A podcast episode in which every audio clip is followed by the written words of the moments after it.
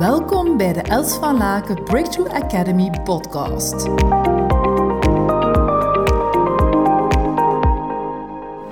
Ik heb vanmorgen een, ehm, een hele ehm, stevige call gehad met mijn eh, accountability uh, buddy. Oh, even de kinderen de muziek afzetten. en ehm, ja, die heeft mij wel even accountable gemaakt op uh, hoe dat al dan niet mijn, mijn doelstellingen, privé en professioneel, ook echt compatibel zijn. En wat voor mij daarin uh, helder is, is dat, uh, dat ik eigenlijk heel duidelijke richtlijnen heb en visie rond hoe dat ik eigenlijk mijn privé wil, hoe dat ik mijn professioneel leven wil. En dat eigenlijk die, die, die, die urge voor die missie, die levensmissie in de wereld te zetten op professioneel vlak wel heel erg aan mij trekt. En ja, ik besefte eigenlijk, ik besef eigenlijk heel vaak van, oké, mijn kinderen zijn nummer één, dat is echt het belangrijkste. En ik spendeer daar ook tijd mee en ik zorg dat dat kwalitatief is.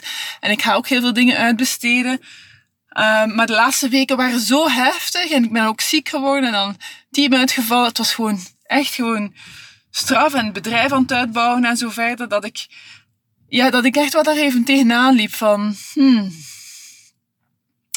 altijd zorgen dat die zaken in balans blijven. Ik vind het best een uitdaging. Zeker op momenten dat zo piekperiodes zijn. En ik weet ook wel van, oké, dan moet ik daarna echt zorgen dat ik even een cool-down moment heb. Maar, en dan weer bouwen. Maar ik ben eerlijk, ik heb niet het gevoel dat er dan ook echt momenten komen om echt te rusten. En dat is echt voor mij nu zoiets van, oké, even drie maanden doorbijten. En dan moet het bedrijf eigenlijk nog meer positief onafhankelijk kunnen zijn van mij. Zodat ik eigenlijk de inspirator kan zijn, degene die de delivery doet, dat de rest eigenlijk door de zaak kan worden gedragen. En uh, waarom deel ik dat? Omdat ik mij ook kan voorstellen dat sommige vrouwen daarmee struggelen. En daar dan misschien hard zijn, omdat ze in al die rollen het perfect willen doen. En wat ik voor mijzelf daar eigenlijk als regel hou, is gsm-vrij contact met mijn kinderen. Dus dat ik dan ook gewoon zeg van, kijk, de telefoon gaat uit. En ik uh, ga nu niet um, met hen... Um, ay, niet met hen praten en ook met die telefoon. Dus de telefoon gaat langs de kant. Dus dat is eigenlijk mijn manier om echt mijn aandacht aanwezig te zijn, te kunnen dansen, te kunnen zingen, te kunnen springen voor de tijd die ter beschikking is. En vroeger ging ik daar mijzelf ook nog een beetje op gaan afbreken, omdat ik dan zoiets had van... Um, nu ja, uh, je moet maar zorgen dat je er ook in slaagt om nog veel meer uren. En soms had ik dan het idee, ik moet maar de drie dagen per week bij hen zijn. Dat was ook zo'n bepaald moment een idee. Maar ik ben niet zo. Ik, ben, ik heb een missie neer te zetten en ik ben ook een businessvrouw, een onderneemster en dat vind ik ook tof. En ik vind het ook tof om met mijn kinderen te zijn. Dus een combinatie tussen allebei.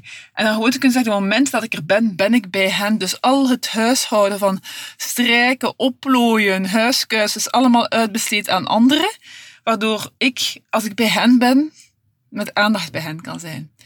Dus ja, wees niet te hard voor jezelf. Ik ben daar zelf ook soms nog kanjeren om hard te zijn voor mezelf.